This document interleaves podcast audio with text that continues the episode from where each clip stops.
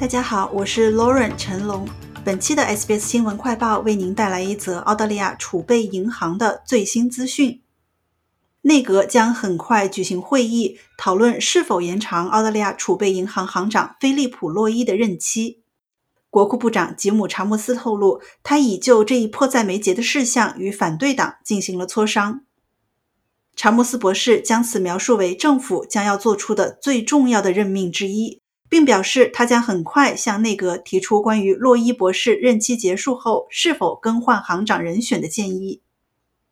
他在本周三七月十二日接受澳广电台采访时表示，内阁将很快就此进行讨论，然后在理想情况下，我会在那之后立即做出宣布。政府不排除本周晚些时候宣布这一消息的可能性，这意味着下任储备银行行长的人选最快将于本周公布。查莫斯博士表示，他已经与影子国库部长安格斯·泰勒进行了初步讨论。四月份发布的澳大利亚储备银行审查报告建议政府就实施报告中的五十一项建议与泰勒进行磋商，不过这些建议与行长任命无关。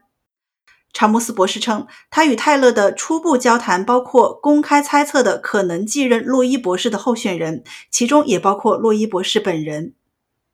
密切关注澳大利亚储备银行的人士认为，下任储备银行行长一职的竞争者包括副行长米歇尔·布洛克、财政部事务官珍妮·威尔金森和国库部事务官史蒂文·肯尼迪。一些工党后座议员希望更换洛伊博士，原因是储备银行在利率方面的错误指导。对加息过于激进的担忧，以及储备银行行长对潜在的物价工资螺旋式上升的反复警告。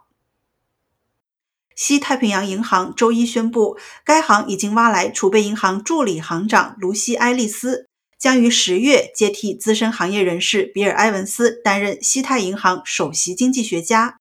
这是储备银行发布审查报告以来首次出现高级别职位空缺。储备银行将在外部和内部进行招聘，以接替爱丽丝博士的职位。因为审查报告批评称，由于高级别职位缺乏外部招聘，储备银行面临着群体思维的风险。审查报告还建议储备银行在每次会议后定期召开新闻发布会，并要求董事会成员偶尔公开发表他们对利率的观点，这在海外是常见的做法。感谢收听本期 SBS 新闻快报，在任何播客平台搜索 SBS 普通话，点击订阅，开启消息提醒，即可了解澳洲国内外新闻以及社区资讯。